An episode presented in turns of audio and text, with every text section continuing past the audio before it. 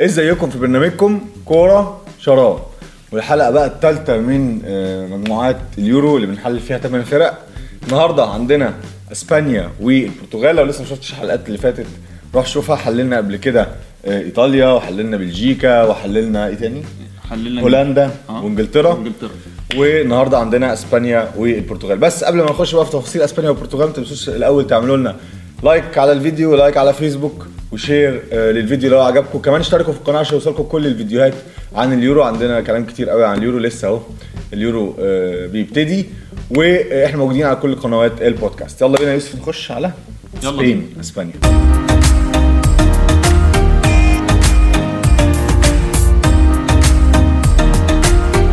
طيب الماتادور الإسباني والعنوان الأبرز خليني أقول لك يوسف إن آه، إسبانيا هي أصغر معدل أعمار لعيبة في البطولة كله. 24.1 وده يعني مش عارف ده منتخب أولمبي تقريبا. دي حاجة حلوة ولا حاجة وحشة؟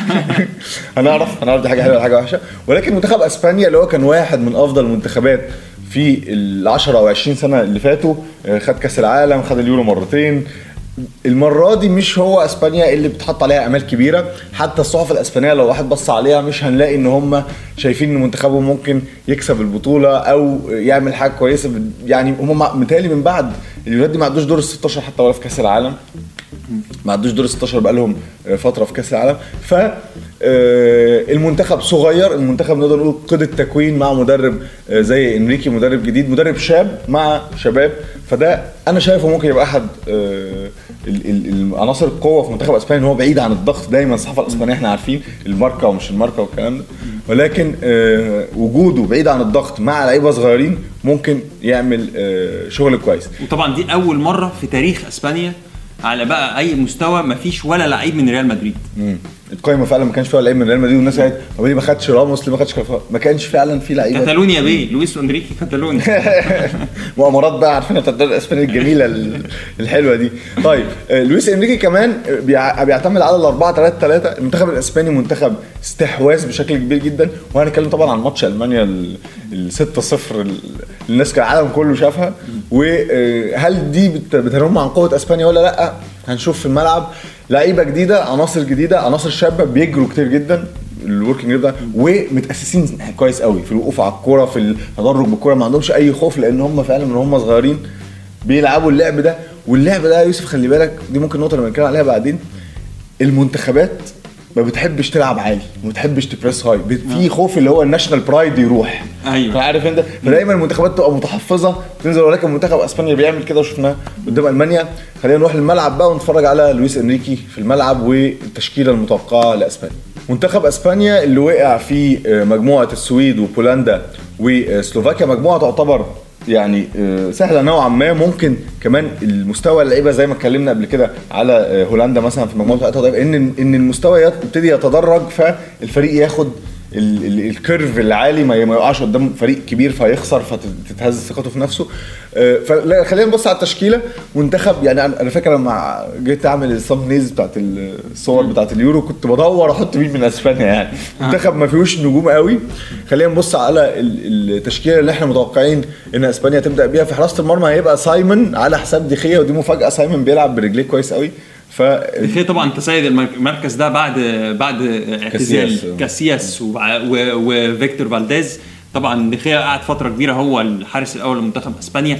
يمكن بقى لو رحنا المركز ال back اليمين لو كارفاخال كان في يعني خالي. من الاصابه كان اهو بقى عندك لعيب من مدريد أكيد حاجز مركزه.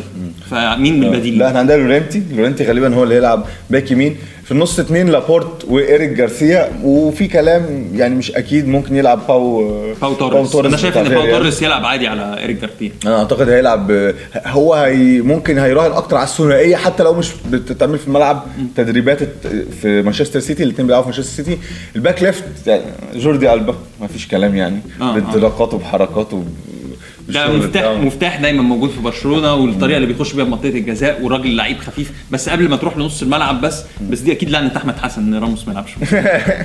كابتن أحمد حسن محافظ على عميد لاعبي العالم. كان قرب. جدا يعني. آه، نخش على نص الملعب. 4 3 3 ده الطبيعي جدا طبعا بتاع إسبانيا. نص الملعب هيلعب رودري من مانشستر سيتي قدامه اثنين تياجو ألكانتارا وكوكي. ثلاثة اللي قدام على اليمين هيلعب آه، فيران توريس. وعلى الشمال هيلعب آه، أولمو وقدامهم striker هيبقى غالبا هيبقى موراتا يعني أو في جيرارد مورينو في برضه. مورينو مورينو برضو هو لو عايز يلعب مورينو برضو بي بي بي بيروح على ال wing ممكن يلعب على ال wing كويس جدا. على فكرة أولمو ممكن يلعب second striker فهو عنده تنوع في الحتة اللي قدام دي.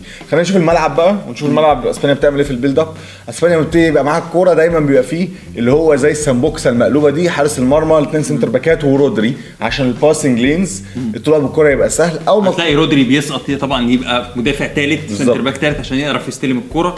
بيستلموا آه، بالظبط. فبيبقى في سهولة كبيرة جدا بتطلع بالكره طب كمان المنتخبات التانية عارفة كده فما بتضغطش عليه قوي فبيبقى عنده سهولة في الكوره مش لازم يلعب باثنين في النص عشان يطلع بالكره لا ممكن رودري بيبقى كفاية معظم الوقت. بس بقى نشوف بقى اما اما اما, أما يطلعوا بالكره بتلاقي الفرقة دي كلها اترفعت لقدام بشكل كبير جدا. بتلعب على تقريبا تلتين الملعب بس.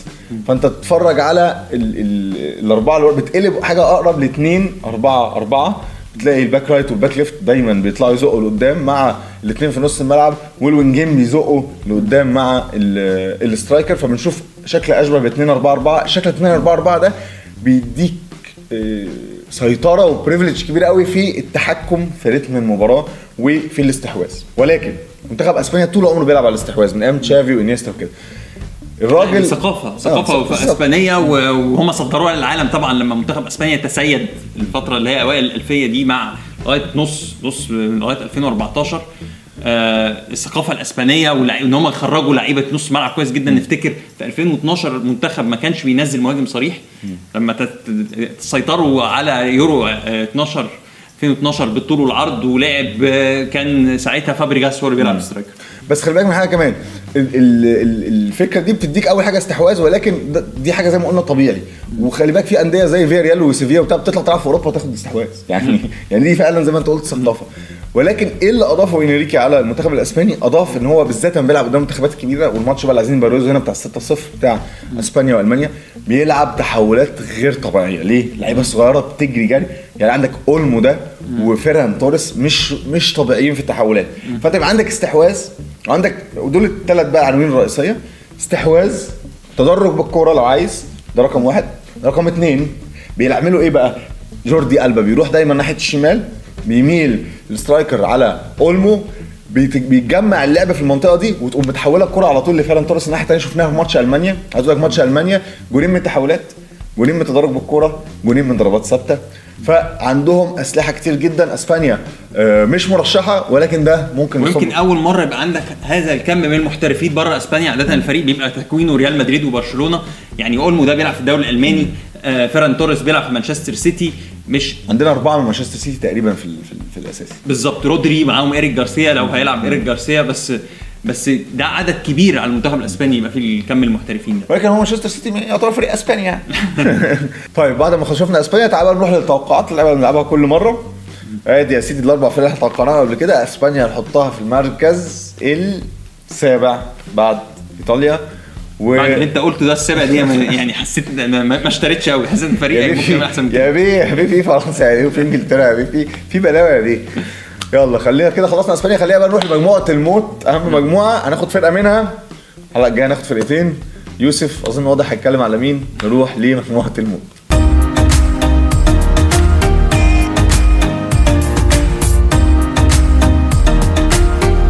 نروح بقى للمنتخب البرتغالي أو الفريق الملاحين زي ما بيسموه. الملاحين. هم اسمهم لوس نافاجادورس هم هم بيعملوا بعد لا البرتغال اشتهرت جدا آه مش ملح مش بيعملوا ملح لا الملاحون عشان بس نبقى هنا إن نروح بقى المنتخب. اللي بيسوقوا اللي بيسوقوا مراكب يعني. سواقين المراكب يعني؟ آه، لو- ماشي. لما احتلوا العالم بال... بالحتة دي يعني. أيوه. راحوا البرازيل وراحوا. اللاتينية. نروح بقى المنتخب الملاحون أو los navegadores منتخب البرتغال مع فرناندو سانتو حامل اللقب. منتخب أنا شايف إن ال squad بتاعه السنة دي أقوى من ال squad اللي هو كسب بيه البطولة في 2016 آه فرناندو سان- سانتو لا آه مدرب مهم جدا. الفكر بتاعه على منتخب آه، البرتغال لأنه بيحكم مجموعة كبيرة جدا من المواهب الشابة في أوروبا وبيقدر يطوعها للخطة بتاعته. آه، يعني أنت لو بصيت على squad منتخب البرتغال هتقول ده منتخب داخل يهاجم بقوة جدا ولكنه واقعي جدا وبيعتمد قوي على التحولات بيعتمد قوي على إن هو يلعب compact ويلعب بخطوط قريبة من بعض. منتخب البرتغال تاريخيا منتخب دايما نقدر نقول هو بيضرب أعلى من وزنه. انت بتتكلم في بلد تعدادها حوالي 10 مليون بني آدم ولكنها عندها كم رهيب من المواهب ودايما بتنافس في كل البطولات صح. ما تقدرش تستبعدها ابدا لأن إحنا بنتكلم على واحدة من أصغر دول أوروبا ولكن كإنجازات آه، فريق قوي جدا وكان دايما بيلعبوا لعب حلو وما بيوصلوش. بس بقى وهم حامل اللقب الوضع مختلف. إحنا كسبوا أكبر بطولة ليهم في تاريخهم. في 2016 ولو رحنا للتشكيلة بتاعتهم هتلاقي آه، زي زي ما بقول squad قوي جدا. غالبا في حراسة المرمى لا خلاف على حارس وولفرهامبتون روي باتريسيو عندك انطوني لوبيز حارس آه، ليون برضو موجود على الدكة. الناحية اليمين يمكن ريكاردو بيريرا ما أداش موسم كويس بسبب الإصابات مع لاستر سيتي فطبعا المركز ده مح- محجوز لكانسيلو. عندك نيلسون سيميدو كويس برضو option تاني بس ده غالبا هيبقى مستبعد. فقلبي الدفاع مفيش خلاف عن أفضل لعيب في الدوري الإنجليزي السنة دي روبن دياز والصفقة الأبرز في الدوري الإنجليزي. جنبيه بقى هيلعب يا إما المخضرم بيبي أو المخضرم جوزيه فونتي. فونتي آه، مدافع ليل اللي كسب الدوري ال- الفرنساوي وكابتن آه، ليل الناحية الشمال هيبقى غالبا مدافع بوروسيا دورتموند رافائيل جوريرو. يمكن جوريرو هو ما عندوش منافسة خالص في المركز ده. لو رحنا لبقية المراكز كلها عندك منافسة options. قدام بالذات في بالظبط. مدعكة. هنا نروح بقى للحتة اللي بيهتم بيها فرناندو آه سانتو. أهم حاجة عنده اللعب الجماعي وأهم حاجة عنده إن هو يأمن دفاعاته. بغض النظر عن عدد المواهب اللي موجودة في ال squad بتاعه فما فيش خلاف هيبقى على دانيلو بيريرا اللي لعب أغلب الماتشات. مدافع باريس سان جيرمان اللي بيلعب في قلب الدفاع ساعات وبيلعب في نص الملعب.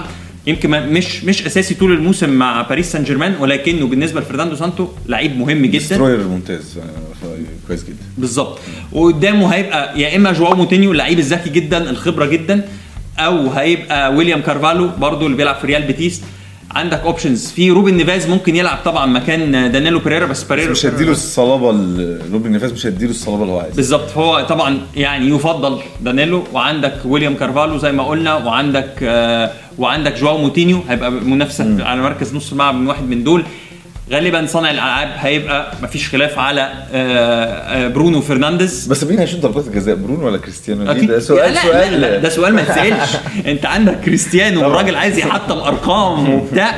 يعني مش الكلام ده في الدوري الإنجليزي. هنجيله هنجيله هنجيله فما فيش شك طبعا إن برونو فرنانديز مركزه المفضل. هو ممكن يتأخر شوية عن مركزه في يونايتد هيلعب 8 أقرب من المركز 10 ال wingات بقى هو برضه هنرجع للحتة بتاعت إن هو بيفضل التأمين الدفاعي إن هو هيلعب ب winger عنده برضه خواص دفاعية شوية برناردو سيلفا واللي بيأديها بقوة جدا. مثلا ال winger بيرد أو وبيضغط برضه. المجهود البدني مهم جدا عند برناردو سيلفا.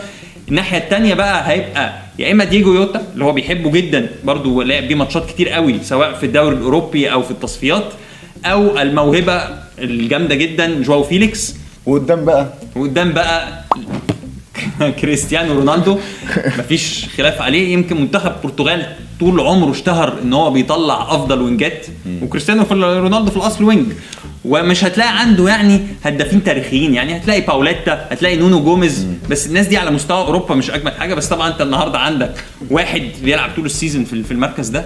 كريستيانو رونالدو. ورونالدو كمان هيبقى كمان لو هنتكلم بقى على الأرقام آه. رونالدو هو هداف التاريخ لليورو مع بلاتيني بيعادل بلاتيني. أنا ما شفتش لسه حلقة بلاتيني يا بيه. اطلع شوفها. تسع تجوان في أربع بطولات. في أربع بطولات بيلعب من 2004 طبعا؟ وفاضل له جون ويبقى الهداف التاريخي اليورو فرونالدو اللي نازل يعني إيه سنين سنين أول ماتش المجر كمان يلا بينا. وكمان هو عايز يبقى الهداف التاريخي للعالم. عشان تبقى فاهم هو علي داي قدامه بخمس ست جوان. آه رونالدو ما فيش شك إن هو الع- الرقم ده. آه ولكن في option برضو على الدكة موجود لاعب العمل موسم ممتاز جدا آه أندريه سيلفا. راجل يطلعه من الملعب. لو راجل. نفترض يا سيدي اتصاب زي ما حصل في النهائي اللي فات. فأندري سيلفا موجود من اينتراخت فرانكفورت هل في هل في حاجة ت- في الملعب تكتي- تكتيكية ممكن نشوفها؟ تغيير مراكز بين رونالدو ويوتا. فكرة برضه هو ما عندوش striker برضه يعتبر صريح قوي. بالظبط. طبعا آه، رونالدو ممكن يجي من على الجنب عادي. الفكرة ان, إن أنت لو نزلت حتى أندري سيلفا ممكن يلعب في الثلاثه اللي قدام عادي. ففي flexibility شوية في الثلاثه اللي قدام. غير طبعا إن أنا زي ما بقول لك هو بي- بيلعب على التحولات وهيضايق جدا المنتخبات اللي معاه في المجموعة لأن هو بينزل يقرب جدا ويتحول بقى إيه مع الثلاثه اللي قدام اللي هم كلهم بيمتازوا بالسرعة الرهيبة. ف وعنده المهندسين اللي في نص الملعب اللي يسلموا الكرة دي. يعني انت عندك الكره الطويله هتتسلم بسرعة جدا ومش هتشوف بقى منتخب فاتح خطوطه والكلام ده كله. عندك ثلاثة قدام سراع واثنين ثلاثة في النص بيعرفوا يعملوا الكوره اللي على الجناب دي أو في ظهر المدافعين أو في ظهر ال right back أو في ظهر ال left back يعني لو هني هنيجي نتكلم بعد كده الحلقة الجاية هنتكلم عن المنتخب الألماني هيعاني جدا قدام المنتخب البرتغالي في رايي غير لو أحداث اللقاء اختلفت ده خطفوا جون في الأول بتاع ولكن ال ال ال الشكل الدفاعي اللي هم بيلعبوا بيه بيضايق أي منتخب. طيب نروح للتوقع بتاعنا. ونشوف يوسف هيدينا اللي لنا البرتغال في أنهي مركز من المراكز الثمانيه والله أنا يعني إحنا اتكلمنا قعدنا نتناقش كتير في الموضوع آه، ده. آه. يعني قعدنا شد وجذب هو ادى بلجيكا الثاني يعني نوع من. التغيير طبعا على أساس إن ده حامل اللقب وكل حاجة. فهو إحنا بنتكلم فيه الثاني أو الثالث إحنا حطيناهم في المركز الثالث ولكن ما تستبعدش طبعا أي حاجة. منتخب سكواد وأرقام وثبات في التشكيل. هايل جدا. طيب يا جماعة ده كان أول فريق من مجموعة الموتو تاني فريق معانا النهارده. وكده تبقى حلقتنا خلصت. استنوا بقى في الحلقة الأخيرة. عندنا منتخبين أظن عرفتهم فرنسا وألمانيا. هنحللهم برضه نتكلم فيهم. ما تنسوش تعملوا like و share و subscribe. واشتركوا في القناة واعملوا share للحلقة لو عجبتكم. وشاركوا في دوري ال fantasy. آه وشاركوا في دوري ال fantasy. هسيب لكم برضه الكود تحت أهو وهسيبه لكم كمان في ال description واللي عايز حلقة عن ال fantasy يقول عشان آه، ال rules مختلفة جدا عن الدوري الإنجليزي. صح إحنا غالبا هنعمل حلقة عن ال fantasy. آه، بودكاست fantasy اليورو على بوديو هتنزل على بوديو هتنزل على كل البودكاست برضه هسيب لكم ال لينكات في ال description فخشوا اسمعوها عشان تعرفوا تكونوا فرقكم. هنقول فرق بقى اللعيبة اللي هنجيبها واللعيبة اللي هتبقى الرخيصة واللعيبة الاستراتيجي أهم. استراتيجيتك في بناء الفريق أهم من الأسامي اللي أنت بتختارها أو اللي أنت بتحب تتفرج عليها. والاستراتيجية في في ال fantasy بتاعت اليورو لازم تكون مختلفة لأن فعلا في rules كتير جدا مختلفة. وأنا رأيي إن هي يعني هتستمتع بيها. ليه؟ لأنها شهر بتنجز على طول كل يوم في ماتش فبتقضي وقتك على طول ما بتقعدش تستنى بقى الأسبوع وليك transfers transfers أكتر فهنتكلم في الكلام ده كله بعدين. وزي ما قلنا لكم ما تنسوش تعملوا like و share و subscribe والحاجات الجميلة دي. اشوفكم في حلقة تانية وبرنامجكم كورة. شراب.